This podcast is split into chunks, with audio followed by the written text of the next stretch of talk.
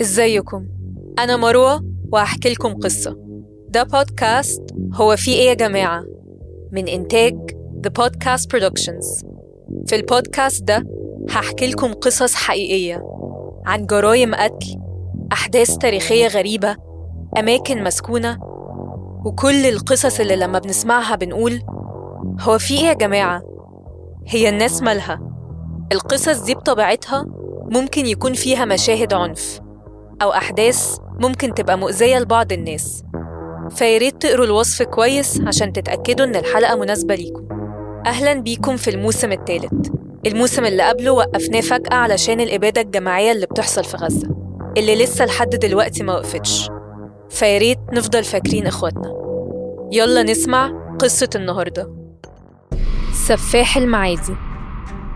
خلونا نفتكر فترة بعيدة شوية. في الألفينات كان لسه الإنترنت منتشرش في مصر وبالتالي أغلب الناس ما كانش عندها طريقة تعرف منها إيه اللي بيحصل غير عن طريق الوسائل التقليدية. التلفزيون والجرايد والكلام اللي الناس بتقوله لبعض بشكل شخصي. عشان كده موضوعنا النهاردة سبب رعب للناس لأن محدش كان عارف إيه اللي بيحصل بالظبط. والفترة طويلة كل اللي بيعرفوه عن الموضوع كان عكس بعضه.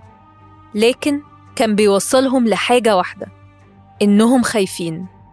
في سنة 2009 كان في موظف ساكن في شبرا نازل من بيته عشان يشتري حاجات من السوبر ماركت اللي جنب البيت. وهو نازل أخد باله إن في شخص غريب مش من سكان المنطقة واقف في مدخل العمارة وشكله مرتبك. لما سأله أنت طالع لمين؟ أو لو محتاج حد في العمارة؟ الشخص ده قال له إنه طالع لواحد حلاق ساكن في العمارة وقال له اسمه.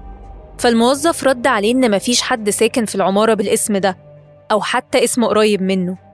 وكمل طريقه وراح السوبر ماركت ولما رجع لقى نفس الشخص واقف في مدخل العمارة لكن كان بيمارس العادة السرية.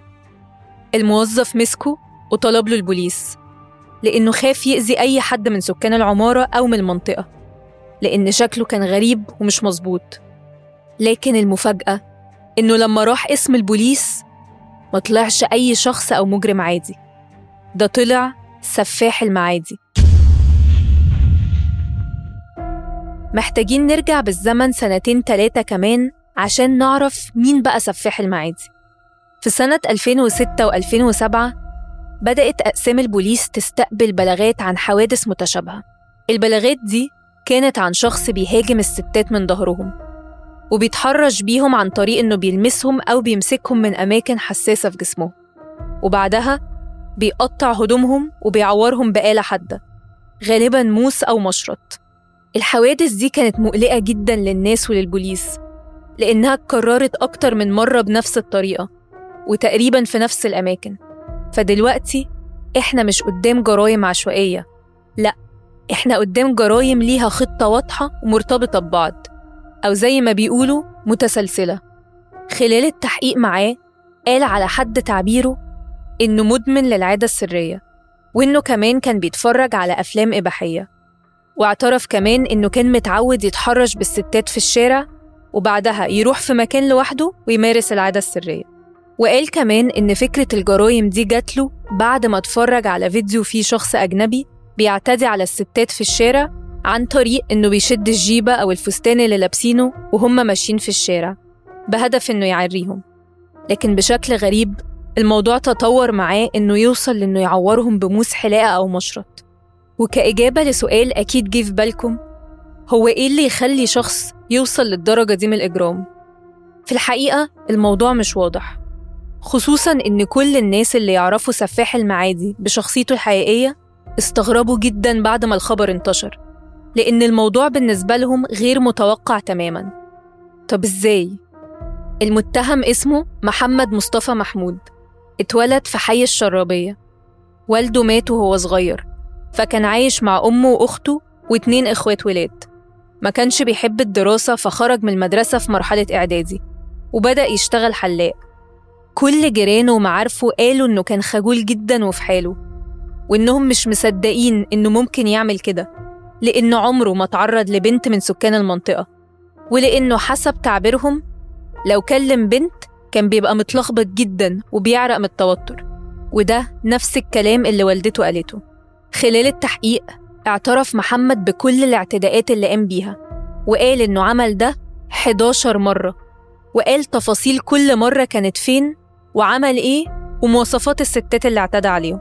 قال كمان إنه مدمن أفلام إباحية وإنه كان اتعود يتفرج عليها مع أصحابه وإن اللي دفعه للاعتداءات دي إنه مرة اتفرج على فيلم مع صحابه وبعدها شاف بنت في الشارع وحس بإثارة فاختلى بنفسه ومارس العادة السرية. وبعد ما شاف فيديو الواحد بيعري الستات في الشارع وبيتحرش بيهم زي ما قلنا قرر إنه هيعمل زيه بس بتعديل إنه هيعريهم بآلة حادة ونتج عن ده إن الستات اللي اعتدى عليهم اتصابوا بجروح نتيجة الاعتداء. وخلال التحقيق برضو عرفوا إنه عمل عمليتين قبل كده في منطقة الحوض. ونتج عن العمليتين دول إنه بقى بيعتمد على ثقب في جانب معدته في عملية الإخراج لأنه ما كانش بيقدر يقوم بيها بشكل طبيعي. وإحنا بندور في المصادر خلال إعداد الحلقة كان عندنا سؤال مهم. إزاي ما تمش القبض عليه غير بالصدفة؟ وإن لولا الموظف اللي لقاه في مدخل العمارة شك فيه وبلغ البوليس كان هيفضل موضوع سفاح المعادي لغز ملوش حل. اكتشفنا إن بعد البلاغات المتكررة اللي استقبلتها الشرطة في إجراءات كتير اتعملت عشان يقبضوا عليه وجزء من الإجراءات دي كانت استثنائية وغير عادية. في الأول كانت محاولات الشرطة محاولات تقليدية بتتعمل في أي جريمة. وهي إنهم أخدوا شهادة الستات اللي تم الاعتداء عليهم وسؤالهم عن مواصفات الشخص اللي اعتدى عليهم شكله عامل إزاي كان لابس إيه هل في علامة مميزة في جسمه أو في شكله؟ وبالوقت بدأت الشرطة تجمع مواصفاته لكن كان صعب القبض عليه لأنه كل مرة كان بيهرب بسرعة قبل ما حد يقدر يمسكه ويختفي ولأنه كان بيهاجم الستات من ظهرهم فبرضه كانت المواصفات اللي بيقولوها في شهادتهم مش دقيقة خالص وأحيانا بتكون عكس بعض. الشرطة كانت في مأزق كبير لأن الاعتداءات عملت رعب للناس في الشارع وبدأت الأهالي تمنع بناتهم إنهم ينزلوا الشارع لوحدهم ولازم يكون في راجل معاهم عشان يحميهم. وكمان النزول كان للمشاوير الضرورية بس مش أكتر من كده وبدأت الإشاعات تزيد بسبب الخوف. وكان لازم الموضوع يتحل بإن البوليس يقبض على السفاح. وهنا بدأت الإجراءات الاستثنائية. لأول مرة قرر البوليس إنه يجند خمسين بنت. الخطة كانت إن البنات دي هتلبس هدوم مثيرة ويمشوا في مناطق السفاح كان بيتردد عليها. وكل بنت من الخمسين يكون حواليها مخبرين وعناصر أمن مستعدين للتدخل في أي لحظة يظهر فيها السفاح ويقبضوا عليه. لكن للأسف الخطة دي فشلت. السفاح ما ظهرش وما وصلوش لأي حاجة. وبالتوازي مع الخطة دي الشرطة قسمت المعادي ل 17 دايرة أمنية وبقى في تواجد أمني مكثف في الشارع. أكتر من 1300 عنصر أمني كان مهمتهم كلهم إنهم يقبضوا على السفاح في أقرب فرصة وبدأوا يقبضوا على أي حد مواصفاته قريبة للمواصفات اللي قالتها الستات في البلاغات اللي قدموها. وأي حد شكله مريب أو ملخبط كان بيتم القبض عليه والتحقيق معاه. والموضوع وصل إنهم قبضوا على أكتر من 3000 راجل وحققوا معاهم كلهم. لكن كانوا بيكتشفوا إنهم ملهمش أي علاقة بالموضوع وبيفرجوا عنهم بدون أي تهمة أو قضية. ودي شهادة شخص من اللي حققوا معاهم. إحنا كنا رايحين الشغل الصبح ومسكونا تحري فروحنا هناك آه، دوروا في رقبتي كده وتعورات بين صوابعي. وكشفوا عليا ما لقوش عندي حاجة مشوني يعني بس بيحصل كل يوم بقى كل يوم وإحنا رايحين الشغل مش عارفين نروح شغلنا ولا عارفين نشتغل ولا عارفين ناكل عيش ولا عارفين نعمل أي حاجة. أنا كنت بنزل الشغل بدري متعود إن أنا أنزل الساعة 6 الصبح. فهو الواد ده كان بيعمل الجرائم بتاعته بدري. فالمباحث قعدت تراقبني كل شوية وفي الآخر إيه قال لي أنت بتنزل طبعا إيه تخلص وتروح الشغل بتاعك. فراح قلت لهم لا أنا ماليش ذنب في أي حاجة. فخدوني عرضوني على الجاني قالت لي لا مش هو. بعد ما البوليس قبض على سفاح المعادي بالصدفة اعترف خلال تحقيقات النيابة على كل حاجة بالتفصيل. لكن لما جه وقت المحاكمة أنكر كل ده وقال إنه اعترف تحت ضغط وإكراه من النيابة وإنه تم الاعتداء عليه عشان يعترف بحاجات هو ما عملهاش. لكن النيابة نفت ده تماماً وصرحت إن كل الاعترافات اللي قالها كانت بدون أي ضغط أو تهديد. وفي نهاية المحاكمة قرر القاضي الحكم على محمد مصطفى ب 45 سنة سجن مشدد وقال في تفاصيل الحكم إنه تم إثبات اعتداء المتهم على تسع ستات. ولأن العقوبة المناسبة للجريمة دي ممكن توصل لسبع سنين حسب القانون والدستور المصري لكن قرر إنه يحكم عليه بخمس سنين بس على كل اعتداء عمله وثبت عليه. وبالتالي يبقى مجمل حكمه 45 سنة. ووضح القاضي إن المتهم كده كده هيخرج قبل ما يتم المدة كاملة لأن القانون المصري بينص إن أقصى مدة بيقضيها الشخص المتهم في السجن على ذمة قضية واحدة هي 20 سنة بس. لكن هو حكم عليه بده عشان يكون عبرة وعظة لأي حد بعد كده. لكن للأسف المحاكمة ما خلصتش على كده. في 2013 قام المحامي الخاص بالمتهم بطلب النقض على الحكم وإعادة المحاكمة مرة تانية. بحجة إن الشهادات اللي قدمتها الستات اللي تم الاعتداء عليهم بعضها كانت متعارضة. وإن أغلبهم ما قدروش يتعرفوا على السفاح لما اتعرض عليهم بعد القبض عليه. وده لأنه كان بيهاجمهم من ظهرهم ويهرب قبل ما حد يمسكه أو حتى يشوفه وطالب بناء على ده بإعادة المحاكمة.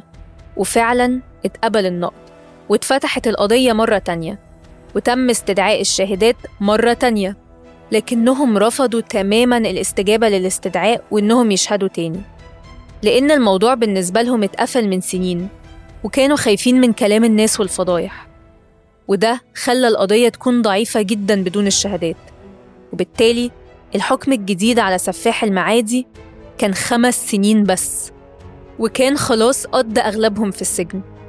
دورنا كتير على خبر الإفراج عنه لكن ما كانش فيه أي معلومات. لكن الأكيد إنه خلص المدة اللي محكوم عليه بيها في السجن.